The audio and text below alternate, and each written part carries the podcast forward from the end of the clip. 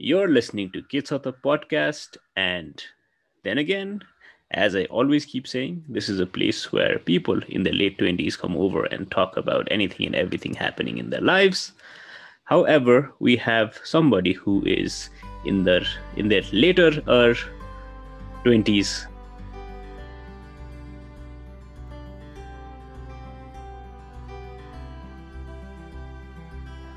right now i've been bringing in guests and people with whom i've crossed my paths in my life.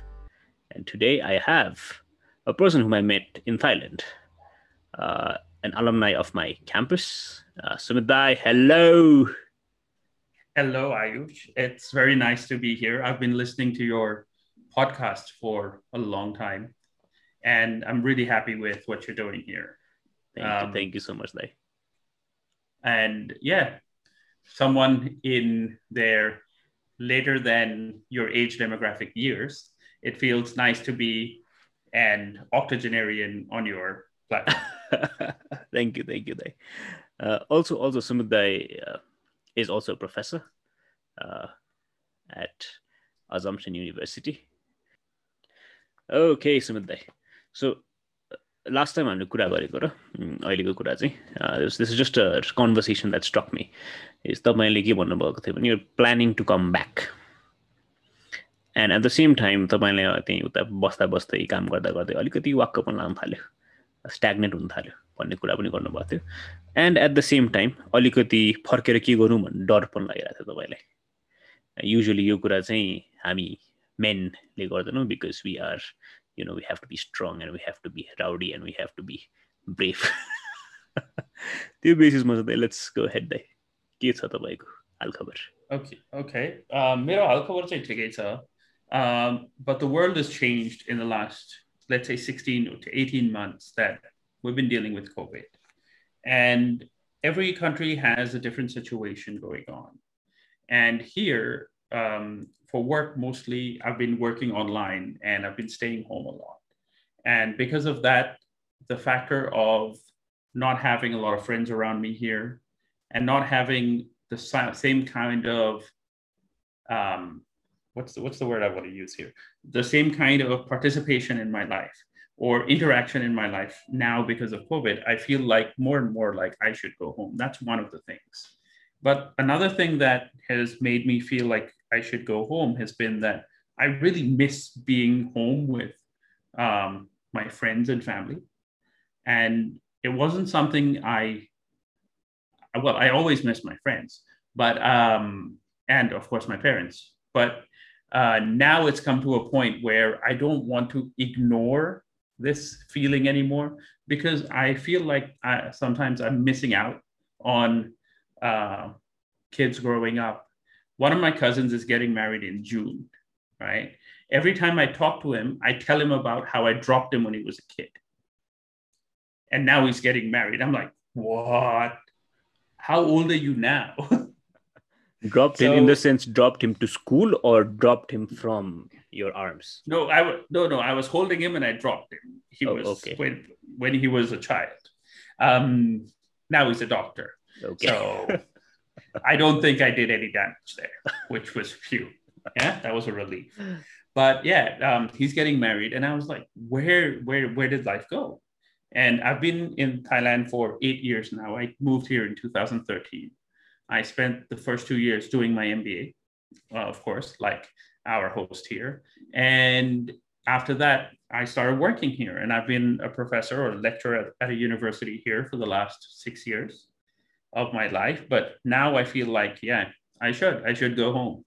And one of the things that you, he said, or I said, was, um, uh, we're men and we shouldn't worry about moving and stuff, but we should because we that's that's one of the big problems of being a man, especially in our type of societies. Um, there's this thing going around called toxic masculinity, right?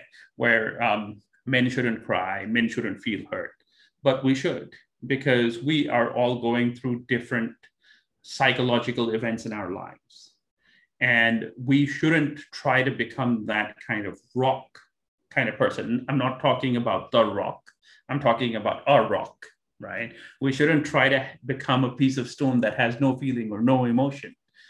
And that is kind of detrimental to our mental well being. And in the last year, I've seen that mental, in the last two or three years, I've seen that mental health has become a much more important thing in the way that we should think as men, especially in our type of societies, where we constantly push these things away due to social stigma, right? And I know that's not the thing we should we're talking about here, but it it is one of the things that has pushed me to coming back because it's a lack of a support system here, which I would have back home. If I were in Nepal, I have close friends that I can, close friends and confidants and cousins and family members that I can always talk to, that I can see. And now having online virtual conversations with them doesn't do the same thing. I can't talk to my friend's son on Zoom and have the same affectionate feeling that I would if I was talking to him in person, right? That's it's just an example of how I have come to feel, and one of the reasons why I want to come back because I don't want to miss life, and this isolationism that we have living abroad even if you have a small nuclear family, you're kind of isolated from your friends and family that you grew up with. But if you grew up in these third countries, if you grew up in Thailand, or if you grew up in the United States or Australia, then the opposite is also true. If you go back, if you go to Nepal, then you feel that isolation because your whole life is left somewhere else. Okay, that seems that seems pretty. Uh, I'd not say deep, but it's something to ponder upon because uh, there are so many things and so many things happening to our day-to-day lives in, our day-to-day lives and also the part where you talked about uh, also let's let's put it in azaboliko lingo. Fear of missing out in terms of even spending time with our parents like you know they're getting old. At the same time is talking about uh, your cousin's wedding. Is the fear of missing out a factor or or is it also a catalyst in, in your opinion for you? I think i, I think for me uh, the fear of missing out on life or spending time with people before they're gone especially parents who are getting older. I think it is a factor that i'm using to consider going back because yes i fear on missing out on spending time with older people. For example my grandfather is 94 years old right?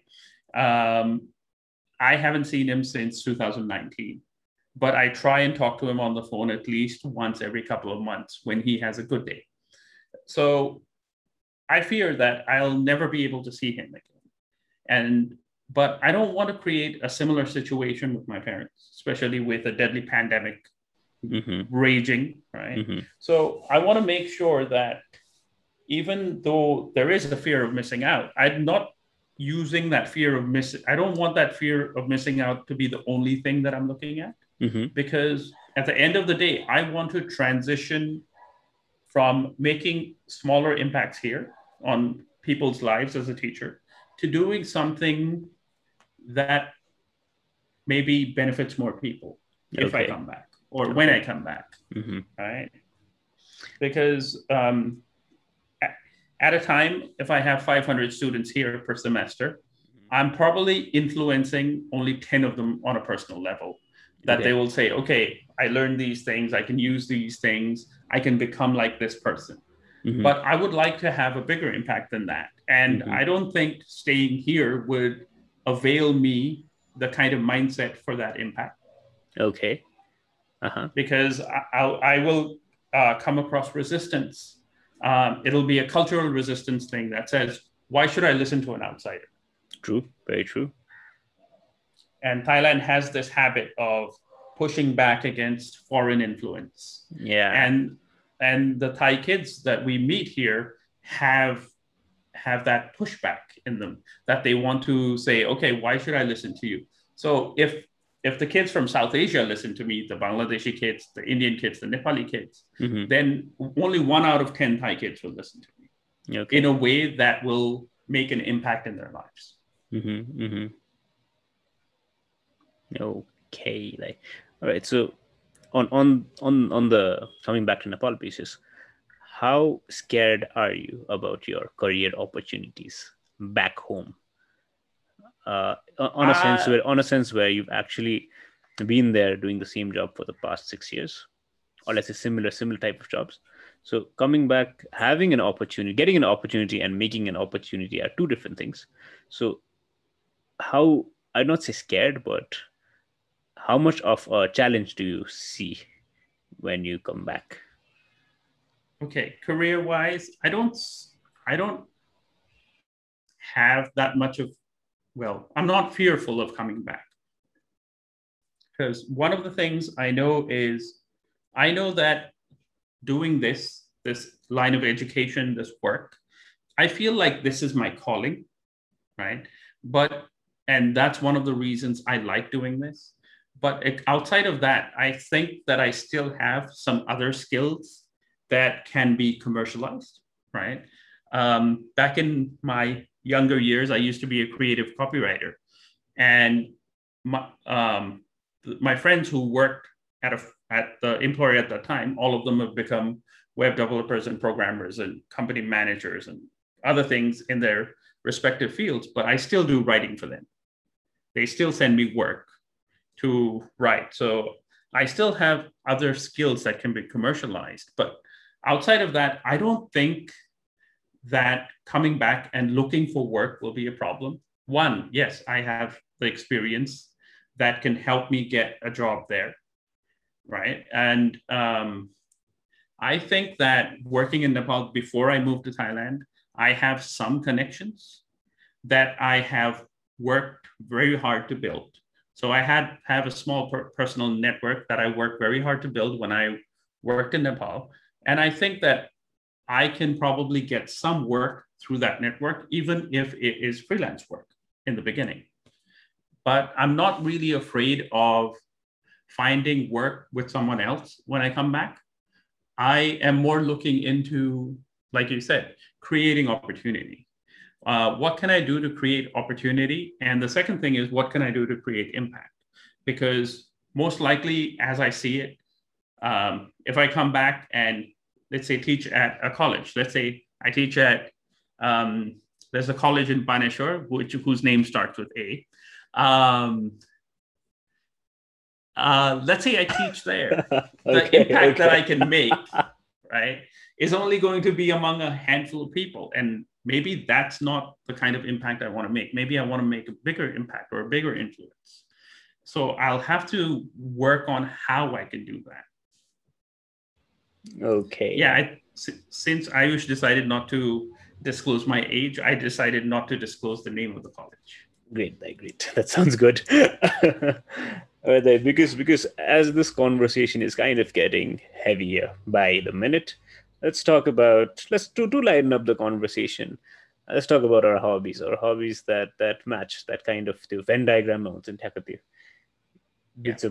So uh, what are your thoughts on uh, thoughts on creating pictures and the way I've been seeing you do you take pictures uh, from your balcony and and the tonality of of the Bangkok weather the the the how to put it the moods of Bangkok weather kind of uh, also enhances the experience to take pictures I feel like.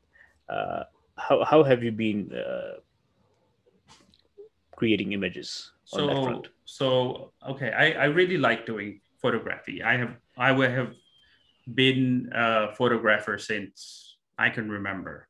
I back, back in the day i used to have a yashica film camera and then i moved on to digital in 2001 that was when i bought my first digital camera it was a 1.2 megapixel casio right and since then i've gone through many different cameras and camera systems and mobile phones and one of the things is when I, there are certain things that I see that I want to capture.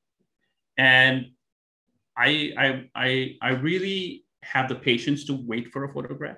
I am not lucky in the sense that, oh, I take out my camera and, okay, this is happening. I'll take out my camera and bam, I have a good picture. I have never been that lucky, but I have always been patient. So if I'm taking, if you see a picture from my balcony on Instagram, for example, I'm sure on my phone there are 40 or 50 other pictures that I didn't choose because I felt that they weren't good enough. And mm-hmm. now that we're talking about, I'm talking about composition mostly, but in photography now we have create creating photographs, right, using editing tools. And editing has become a very important part of digital photography. And um, I I middle a little bit. I don't do very heavy edits on my pictures because I'm not very good at it as well. Uh, most of the edits happen on my phone. Anything taken with any of my cameras will be brought to my phone and then processed there. So I will be using Snapseed to process raw pictures, for example. And I'm learning how to use Lightroom because back in the day on Mac OS X, they used to be um, a different software called Aperture that I used to use. Mm-hmm. So Apple stopped making Aperture, and then I stopped being interested in digital photography, especially the editing side. And okay. now I'm try- trying to get used to doing it again, but um, I think composition is the best part of doing photography for me, and not lighting and trying to manipulate colors afterwards. I think that yes, for me, the fun part is trying to compose things in a way that I am showing kind of what I see and my perspective to people. And I like taking pictures, especially around the canals in Bangkok, because there's a lot to see on the canals and smaller things that people normally don't see. Mm-hmm. When mm-hmm. people think about Thailand or people think about Bangkok, they just think, okay, street food, they're big buildings and malls. Uh-huh. uh-huh. But I want to take pictures of other things. I want to take pictures of people going to school right? People trying to make sekwa out of onda, um, right? Onda sekwa. Yeah. People having barbecue for breakfast mm-hmm, mm-hmm. because we don't expect that, right? In yeah, our true, kind true. of life, we don't see those things. Mm-hmm, so, mm-hmm. capturing those things is an important part of a story that I want to tell of my narrative of what I see and what I feel in Bangkok, uh-huh, uh-huh. right? Uh-huh. So yeah, also this also the on on the on the other perspective, right? So what you could you, what you could have said or what you could have done is you know uh, rather than calling you know rather than saying that you know these days people go ahead and, and edit photos you can just put it out there and say i'm a purist. Oh, oh okay. I i'm, I'm not a purist. I'm not i'm not a purist. Uh-huh. i I, I change some compositional things sometimes when I think that, okay, the composition isn't right. I kind of move perspectives a little bit, but I'm not an ultra fine editor person because I'm not mm-hmm. skilled enough. Okay. Let's say I'm not skilled enough, right? Okay. If someone asked me, what is your uh, photo editing skill on Snapseed, I'd be like two out of 10. Okay. all right. All right. Which gear are you using right now?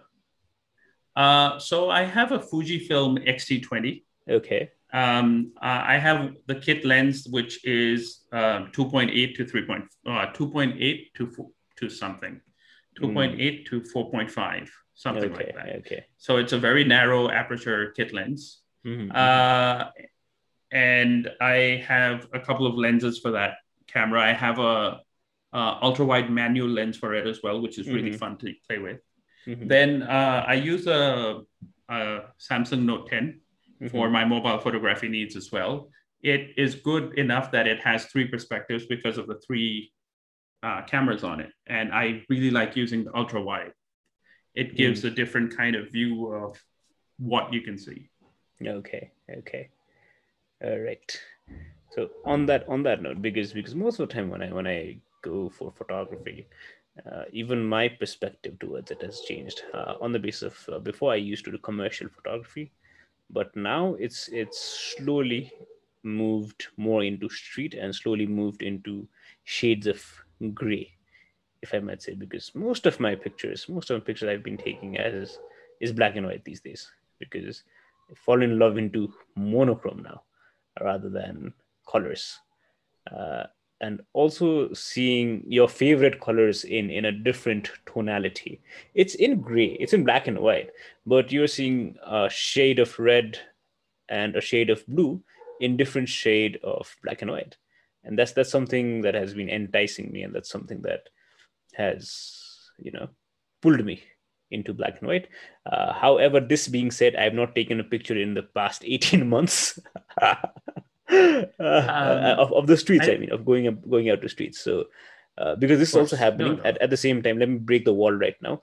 My father will be listening to this podcast, and I said this because I know if he hears this, he'll just come to me and say, "Hey,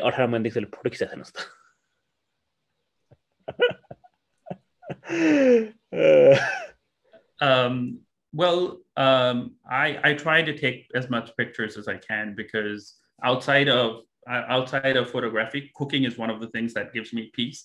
And I'm terrible at taking food pictures, so I try to take pictures of other things. But yes, I really like that you are experimenting with something that is different, and that different doesn't have to only be black and white. Um, me and my dad last year we were doing a photography challenge every week so mm-hmm. my my mm-hmm. my parents were stranded in the U.S. during the first wave of COVID because ah, they'd gone okay. to see my sister. Mm-hmm. So my dad was bored out of his mind at home, and we used to set up each other with a photography challenge. Mm-hmm. mm-hmm. Now I would mostly lose because when we had to take pictures of beautiful objects, mm-hmm. um, he had the liberty of taking pictures of my niece, which I didn't have.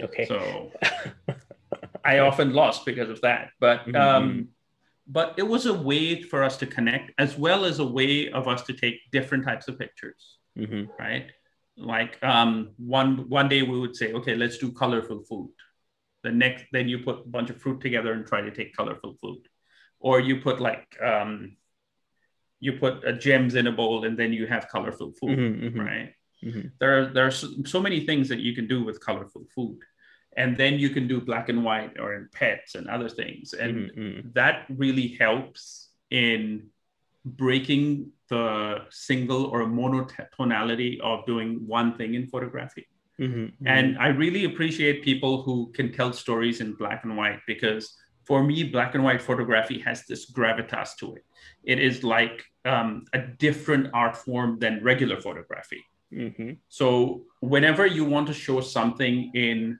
something that looks more important or something that you want to have a, a very gravitating you want to have people gravitate towards it or people see it as important then i think using the black and white medium is a great way to show that importance off because if everything else is in color and then you have that one picture of that one perspective of that one thing in black and white mm-hmm. then you are saying that look this is a lot more important. That's why this is in black and white. Ah so the colors mm-hmm. don't distract you from it.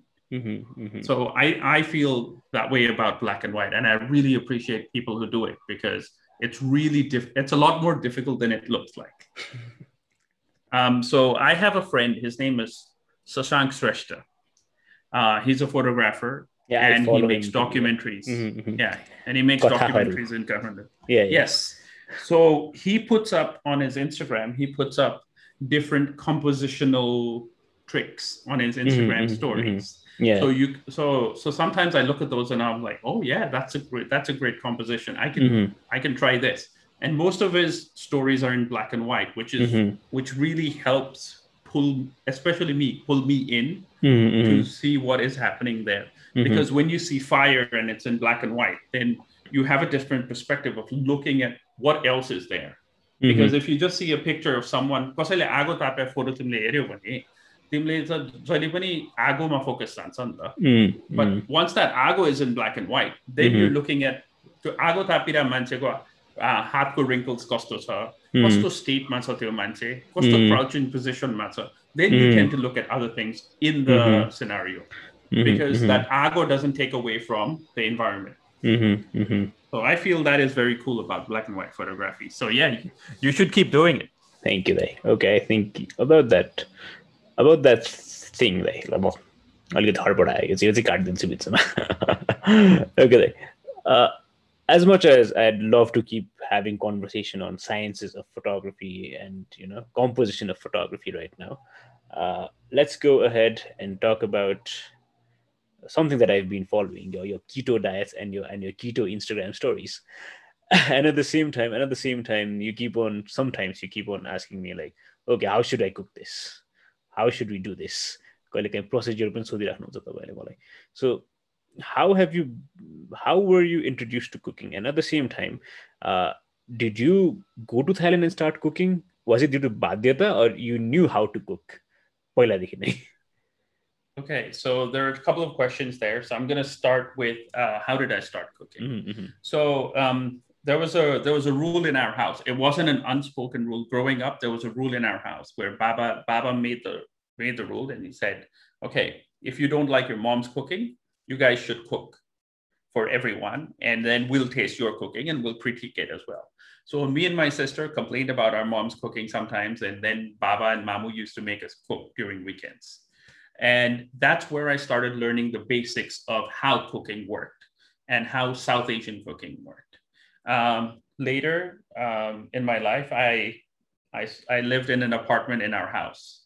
And then I got to experiment a lot more with cooking.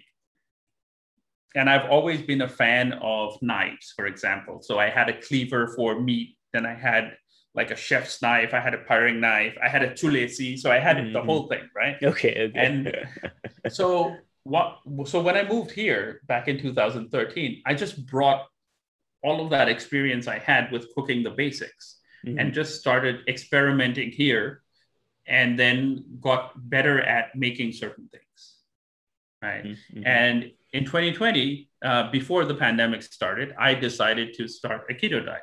Okay. Uh, keto diet, for anyone that's listening that doesn't know, keto means that you cut out carbohydrates and sugars from your life and instead replace everything with fat. So your diet is about 65 to 70% fat, 20% protein, mm-hmm. and maybe 10% or 5% carbohydrates. Mm-hmm. So when I moved into that, I had to adapt so many of the things that we're used to eating to become more keto friendly. So in a way that you could eat and we are kind of from a Bhat society, mm-hmm. right? Bhat is kind of a dominant food, or rice is a dominant food in our mm-hmm. cuisine, in Nepali cuisine, in Thai cuisine, in Indian cuisine, mm-hmm. at least in the Asian belt, you can see it a lot. Mm-hmm. And then I had to adapt how do I change rice into a more ketogenic thing? Then I started making cauliflower rice. And I ate cauliflower rice for almost two months, and I got sick of cauliflower rice Okay. and then I started taking other other shortcuts in cooking for keto. I started saying, okay, I can make easy keto meal. Just a um, couple of chicken breasts in the oven with some mm-hmm. broccoli, and mm-hmm. at the end, put some cheese on it. Melt the cheese. There you go, keto meal. It has fat. It has protein. It has carbohydrate. You're done, right? Mm-hmm. So. Mm-hmm.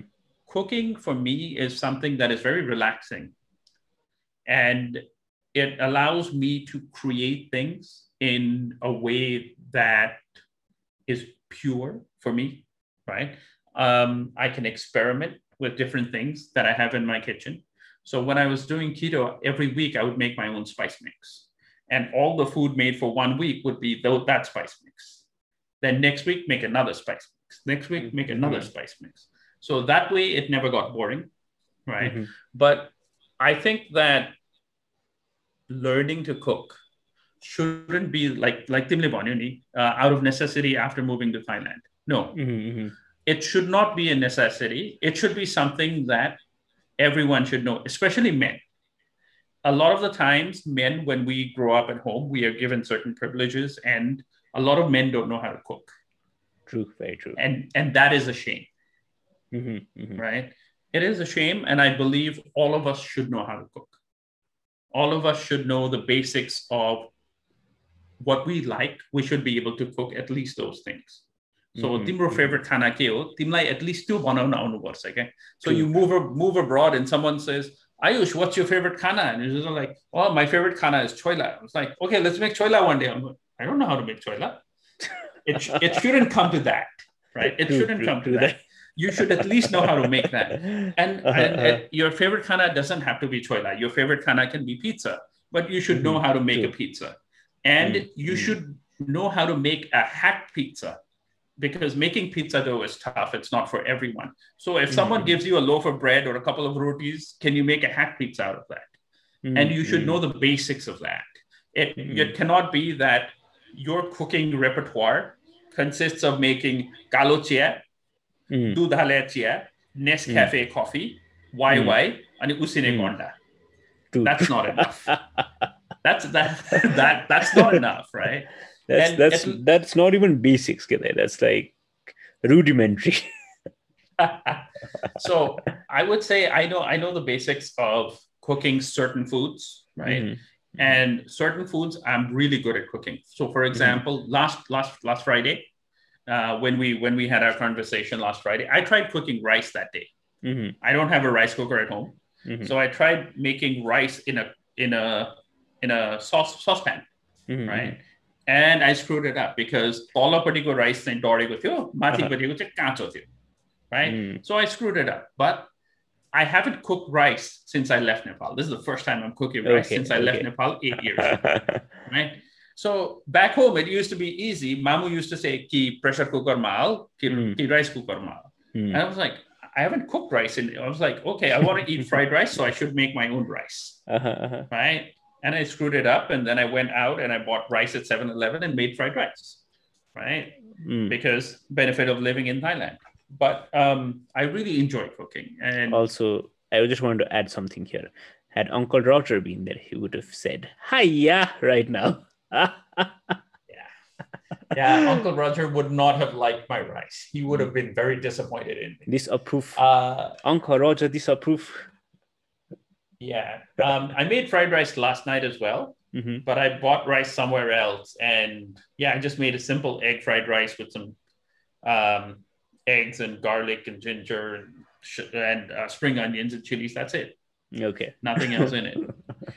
But yeah, Yeah. it it it goes to show that sometimes you look find things on YouTube and you want to Mhm. try making them because Mhm. they look awesome Mhm. and you have a feeling they're going to taste awesome. Mm. But sometimes you cook them and it's a disaster. It tastes like someone's foot, right? Mm. And those things happen. And that and if you give up when Timurkana Dundin Bigrinsa, if you give up, then you're going to become one of those quitters. But more important than that, you're never going to feel the joy of cooking something that tastes good. Mm. And hmm. when people give you, and when you have people over and you feed them and they say, Oh, that that that choila was good Mm. uh, can I have that choila recipe? And then you're going to feel so proud. You're like, yes, I Mhm. did it. Right. but um, for me, a lot of people see my food on Instagram. yeah. But um, and then now I've started because of the lockdowns and stuff. When I make food, I give it to some friends who live in my building and some other friends. So I try to give out as much as I can. But outside of that, my audience for people trying my food is very limited. Now I've been mm-hmm. experimenting with a lot of Chinese food that you get at Chinese restaurants here, mm-hmm, mm-hmm. like um, the silky potatoes. Mm-hmm, mm-hmm. and all of those things I've been experimenting with. Those are more difficult than they look. Just usually slicing one potato, you would think, minute laksa. Uh, you're spending like 40 minutes trying to slice one potato. So um, but cooking is cooking is great. I love cooking. Um, I would I could never become a professional chef. And one of the things that I hear a lot from other people about someone like me who loves cooking is, oh, you should open a restaurant one day. Mm. And I thoroughly disagree with that concept because I'm not even an amateur chef. Mhm, I'm just a home cook that likes cooking, that watches people's YouTube channels and experiments. But if someone says, okay, can you make me an exact recipe for the food you cook? I'm like, Mm. but that's not going to be, that's not going to taste the same because true, true. I'm experimenting and I'm trying things out, right? I don't have exact measurements of how much um, how much pepper I put in any of my foods. I'm like, Mm. okay, I have a big pepper grinder, so I'm like, okay, three shakes. I was like, okay, it looks okay. I'll I'll go with that, right? Mm. But um, it's a common misconception that we should uh, commercialize some of our hobbies, and people keep on pushing uh, towards those things. That oh, you should commercialize. Uh, people keep on saying to me that oh, your food looks great. You should make a YouTube channel. You should commercialize it. I'm like, no, I like cooking. I don't want to not enjoy cooking out of the pressure of having to make a true, YouTube. true, true, true, very true. I very like true. cooking. And the same thing about photography. I like photography. And if I try to commercialize my photography, I don't want to spend hours trying to figure out, okay, how can I take a picture that I can sell? now also, I take pictures to, to make me happy, right? Exactly. If, also, I want to add add up to this this point where uh, commercializing uh, a hobby. So at one point of time, I did commercialize my photography. At one point of time, naive you we were still like college kids, you know, uh, Vice, versa, what's Agatma camera work Ushida. Of course, you see opportunities, uh, you see opportunities, but others see uh, the, the joy of exploiting a young person with a camera. and you know the, the, idea of, of it slowly gets uh, to you. It gets depressing because there are times when you are really proud of your photo and the other person to whom you are showing the photo or, or the person who wanted you to take the photo is like hey this is shit. Throw, throw it away. So faced a lot of that. Faced a lot of uh, unwanted uh, rejection at one point of time. So that also hits really hard when you are actually there trying to take pictures that you like uh, which is not aligned to someone else's requirement right so that being said that being said same goes for cooking because most of the time as you said in our culture we eyeball everything we don't have like you know one tablespoon of soy sauce it's like A colour आयो छैन ए ल आयो colour ल ठिक छ ल यो मिठो हुन्छ आज or or when you're like you know uh, making tomato paste or or, or or or chili oil it's on the basis of you know you're like in Nepal you don't have like proper tomato all the time आज गएर किनेको टमाटर र एक हप्तापछि गएर किनेको टमाटर फरक एकदम different you don't have that consistency so whenever you cooking something is like a colour आयो कलर आयो छैन छैन कलर आयो कलर आयो छैन once that that that you have that aroma that smell and that that colour as you can visually see त्यसपछि पो त हो हामीले ल ठिक छ है अब ठिक छ है भनेर। That's how we I ball and that something that I feel like has not been explored to these uh, so-called superior people because we live in a third world country.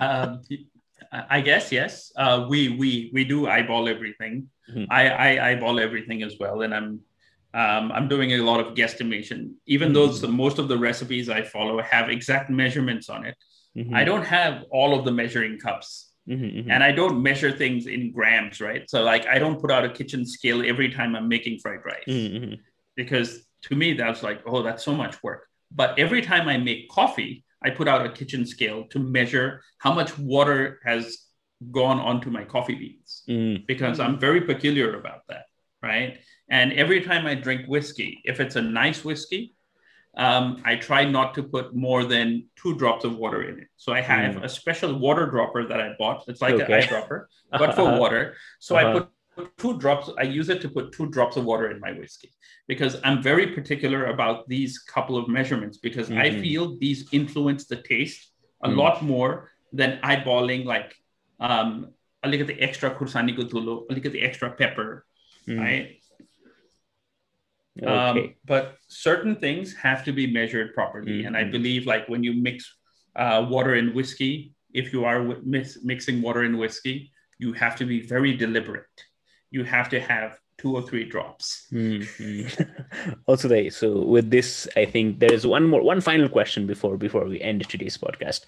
So it has been really insightful for for me as well because in a couple of years I'll be your age, and in a couple more years I'll be the exact age as you are right now.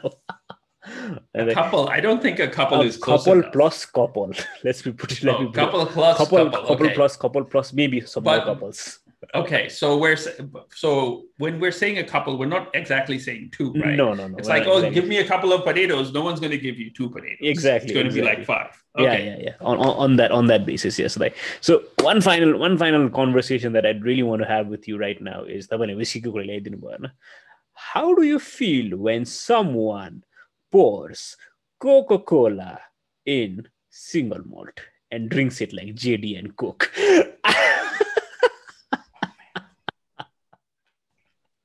Um, uh, do I do I have to answer this? Uh, yes, there, yes, there, okay, please, okay. because because um, that would be a um, okay. great, a great insight so I have, me as well. So I so I have a story. I have a story. Uh, back in the day, outside of Radisson Hotel, there used to be a bar. It used to be called the Red Onion Bar. Okay. This was back in the day when I started working in 2005, 6. Mm-hmm. So it was there until 2009, I guess. I remember um, sitting there drinking a single malt with a friend of mine, Mhm. and this executive kind of guy came in and he was like, I had a really good day today. I was like, Malai, Malai, sabanda mogo whiskey deu when. Mhm. And he the, the bartender poured him a blue label. And then um, then the guy said, Malai, a coke deu. and the bartender gave him a coke because the bartender didn't know what he was going to do with the coke. True, true. Then he poured the coke into the glass. Then my friend sitting next to me called the bartender over and was by Molera Tsokudona, I want to slit my wrist. okay, so I was I was very young uh, back then. My, uh-huh. my friend was a little older because we worked together. Mm-hmm, mm-hmm. Um, but that kind of put me in the mind frame that okay, there are certain things that you don't do. One of mm-hmm. them, with nice whiskey, you don't put in coke. Mm. And a couple of years later, I had a friend of mine who mixed Coke with his Glenfiddich, and I got really mad and I almost threw the b- bottle of whiskey at his head. Mhm. Um, so there are certain things you don't do. Mhm. And to me, one of the things you don't do is if you have a really fine beverage, it doesn't have to be a whiskey. Mhm. It can be a really fine rum or it can be a really fine gin, right? Mhm. um, the first time you drink something like that, you want to drink it in its purest version so you Mhm. can soak in all of the taste elements. Yes, if you if you don't understand what I'm talking about, then yes, don't buy those whiskeys. True, true. If you don't understand that there's going to be underlying taste in a single malt, then you're not ready to drink a single malt. Mhm. Just just drink, just buy the JD and mix the Coke. Mhm. You're not ready yet. Mhm. But once you once you start, your palate starts developing, and you start to taste the underlying flavors in whiskeys, in wine, in coffee. Mhm. Mhm. Then you're ready to try these things. Mhm. But that comes with experience, and that comes with maturing in the way you drink. So Mm. now, I no longer drink to get drunk. Mm, mm. So the last time I drank to get drunk was almost ten years ago. Okay. right? So now I drink for socializing. And if I'm drinking whiskey at home, I drink whiskey because I like the taste of whiskey. Mm, mm. So I, I don't mix things in whiskey when I drink it because I like the t- how it tastes, Mm, the mm. inherent taste of it. त्यसको आफ्नै uh, characteristics, Mhm, right? And I buy the whiskey that I like the characteristics of. mm, And um, last year during lockdown here in Bangkok, I re- I, I've really never been a bourbon person. mm. Okay. So I was like, during lockdown, I'm going to buy like four or five bottles of bourbon and I'm going to try them out. Mm, mm. I, I tried one of them. Okay.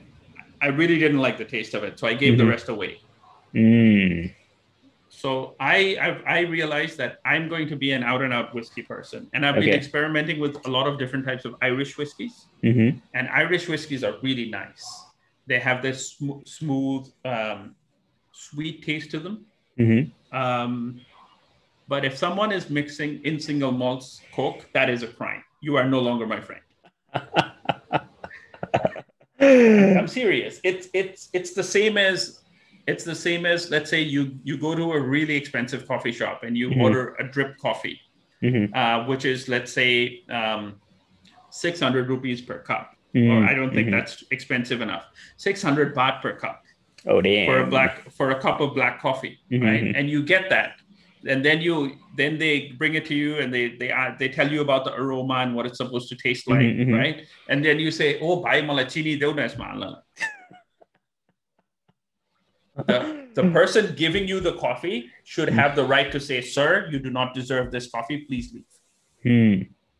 Right? And the same should be done at bars and stuff as Mhm, well. mhm, mhm, The guy who ordered the black label, uh, the blue label, and the Coke mhm. should not be given the blue label and the coke because Mm. that is a privilege. And Mhm. if you don't like the taste of single malt whiskey and you think it's too strong, don't drink it. Mm. But please don't mix coke in your single malts. That is some that is that's sacrilegious. You cannot do that. Mm, mm. I'm, I'm I am against it. Yeah, there Mhm. may, there are not many things that I am against, Mhm. right? Like there are not many things that I'm against, but I am against putting coke in single malt. Of course, if you do it in front of me, you're going to get beat. Oh damn! All right, that's that's all. That's all. Uh, I just wanted to uh, reaffirm No, no, as well. no, no, it's it's it's it's a light thing because um, I really like whiskey. I'm Mhm. not an alcoholic, but I like the taste of whiskey. Mhm. Um, so I really don't like it when people try and mix things into their whiskey. All Yeah, right. I, I can talk about whiskey, coffee for long periods of time. I'm sorry. Okay, I, okay, it's it's all right there.